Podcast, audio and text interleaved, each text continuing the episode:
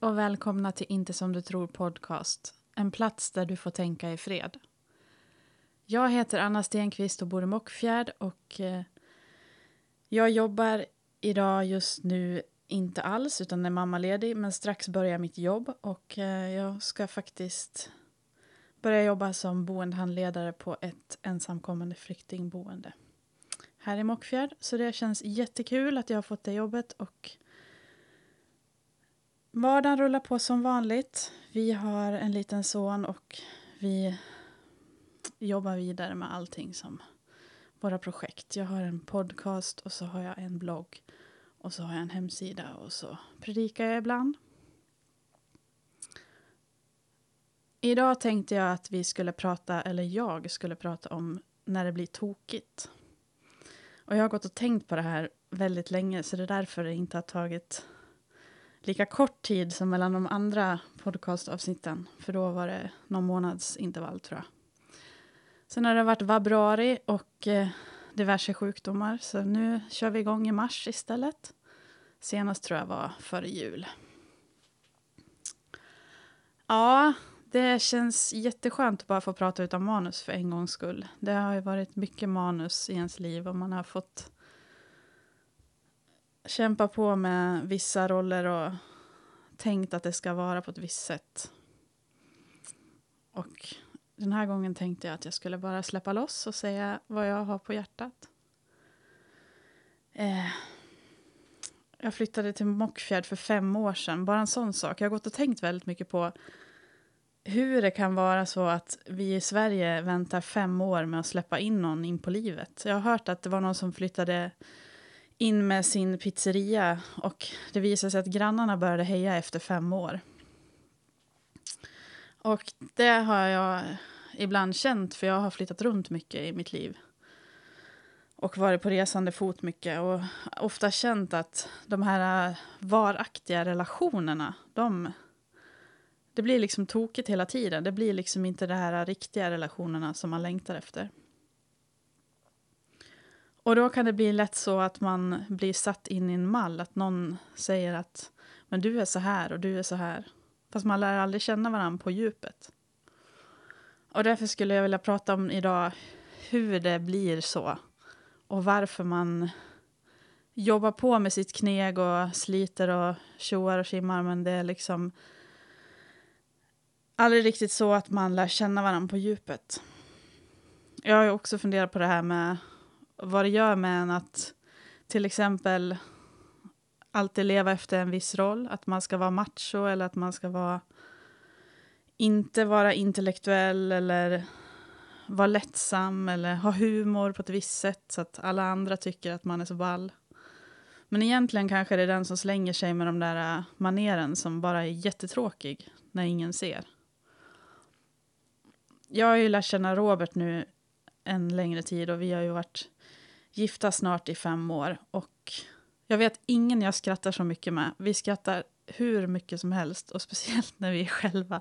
Och jag vet inte, ibland är det som att vi, jag tror nästan vi har umgåtts så mycket, för vi, vi skämtar på likadana sätt och vi har mycket internt för oss. Men det handlar så mycket om att slappna av tror jag. Och eh, för mig har det där aldrig varit någonting som man bara gör på beställning. Eh, ja, och jag vet inte varför jag vill berätta det här idag, men jag känner att någonstans så är det alltid tänkt en massa saker. Det är alltid så att någon har bestämt sig för att döma ut den eller någonting. Och det där har jag mer och mer vågat släppa och bara fundera på. Utan jag, jag lever mitt liv och jag går vidare och jag tänker att då får andra tycka vad de vill. Eh.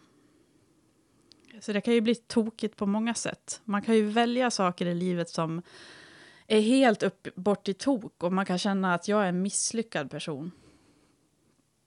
Jag vet inte om ni känner igen er i det, men eh, bland annat så vet jag att många säger att man ska inte riva upp det som man en gång har gjort som inte var bra. Men samtidigt så tror jag att det skulle lätta på trycket för många om fler vågade berätta om sina misstag och fel. Jag kommer ihåg att när jag var 20 så skulle jag välja vad jag skulle bli. och då hade jag gått bibelskola i två år. Fått vara kvar på bibelskola och varit ledare ett år. Och kände bara att åh, nu måste jag välja det här äh, kallet, det här äh, så att jag får rätt liksom, roll i samhället och så. Så jag började läsa till sjuksköterska och flyttade till Eskilstuna och alla förändringar hände på en gång. Och där någonstans så bara tog det slut för mig. Jag kände att det var precis som att det bara försvann. Allting, mattan drogs undan under fötterna på mig och det kändes precis som man hade ett kalhygge i hjärtat eller någonting. Det var som någon hade sågat ner alla träd liksom. Och jag vart bara så trött. Och eh, jag har ju hört att det finns de som inte tror att det finns utbrändhet, men jag har upplevt det väldigt starkt. Uh, och efter det så kände jag att mitt liv är så tokigt så det finns ingenting och ingen som skulle kunna tycka att det var någonting bra med mitt liv. Det finns ingen som kan tycka att jag är någon lyckad person. Så kan man tro att man skulle ha lärt sig någonting av det här men några år senare så tänkte jag att äh, jag tar ett omtag, nu blir jag lärare istället. Så jag började läsa till lärare. Och eh, det var samma sak där, det nitade för mig inombords. Jag kände inte att jag hittade hem i den identiteten och i den utbildningen. Och konstigt nog har jag fått höra tidigare att jag skulle bli ledare och att jag skulle bli pastor. Ehm, senare i mitt liv, när jag fyllt 30, så känner jag starkt hur en inre röst säger till mig att till hösten ska du börja läsa på SALT. Och det här kändes jättemärkligt och jättekonstigt, men jag sökte in och kom in och började gå och läsa teologi. Och att bli pastor var egentligen ingenting jag valde själv, utan jag kände någonstans ett kall i det. Och på många sätt har jag kämpat på, varit så där duktig och bara liksom gjort saker hela tiden för att förväntningarna finns där. Men någonstans när jag började med det här pastors grejen så blev det som att jag landade i vem jag är också. Och nu tänker du, ja nu ska hon säga att allt har blivit bra sen dess. Och det är absolut inte sant, för det finns så många, så många kamper man kan kämpa. Men jag tror att när det blir tokigt så kan, åtminstone tror jag att Gud kan använda det och visa vem han är genom det. Och visa att han har större makt än vad jag förstår. Och han kan vända upp och ner på mitt liv så det blir bra. Och då kanske inte upprättelsen kommer utåt sett först. Utan den kanske kommer inifrån så man blir helare inuti. Och sen sakta men säkert så kanske man får respekt också. Men... Så jag känner nu att jag har landat i det att Gud har koll och han vet vad jag pysslar med. Och även om jag säger fel ibland eller gör fel ibland så håller han om mig och han vet precis vad jag går för. Och han har inte tänkt att jag ska bli lidande över min förmåga utan han tar hand om det som kommer och som sker. En annan sak jag kan tycka är lite så här märklig det är att det finns ett så här komplex och roller som tjejer ska ha. och eh, när jag var liten så älskade jag att klättra i träd och jag tyckte inte att det var särskilt kul att sitta och klä av och på en Barbie eller en Ken. Och det där är ju olika hur man är. Men jag minns att jag fick höra att jag var konstig för att jag tyckte bättre om att bygga tågbanor jag tyckte ändå inte att jag var en pojkflicka. Jag tyckte ändå inte att jag för det behövde få det epitetet. Liksom. Och sen senare så har jag upptäckt att vara feminin behöver inte alls vara det som andra säger är feminint. Utan femininitet och vara en kvinna, det får vara precis det som Gud har skapat mig med. Och... Eh, kan vara så, jag vet inte, men jag tror att ibland har vi gått omkring med sårade känslor från våra liv tidigare och vi kan bära på en massa hat och massa känslor, avig-känslor mot människor och så.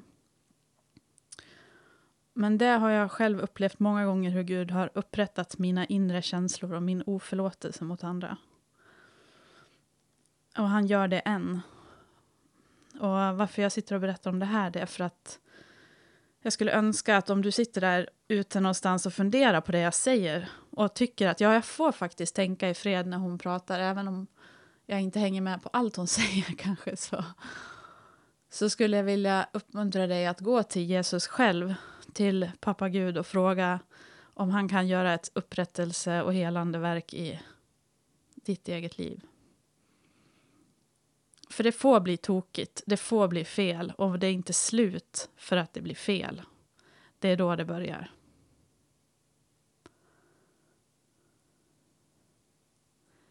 Tack gode Gud för att du har tänkt någonting med våra felsteg när du upprättar oss och förlåter oss. Så blir det nytt. Allting har inte en mening men du kan vända på våra liv. Och du kan få oss att känna att vi får nya vingar och kan bli burna ända hem till himlen. Jag ber om nytt mod i brutna hjärtan, om nytt hopp, om ny tröst, om förlåtelse mellan människor. Tack Gud för att du inte ger upp när vi inte ser någon utväg. Det får bli tokigt ibland och då bär du oss. Jag ber att det ska bli så i allas våra liv. I Jesu namn. Amen. Tack för att du har lyssnat på Inte som du tror podcast. Den här lilla snutten som jag spelade in gjorde jag av hjärtat för att jag kände att det får bli tokigt ibland. Och man får bara säga någonting som kommer från hjärtat utan att det är genomtänkt ända in i mål jämt. Så tack för att du lyssnade.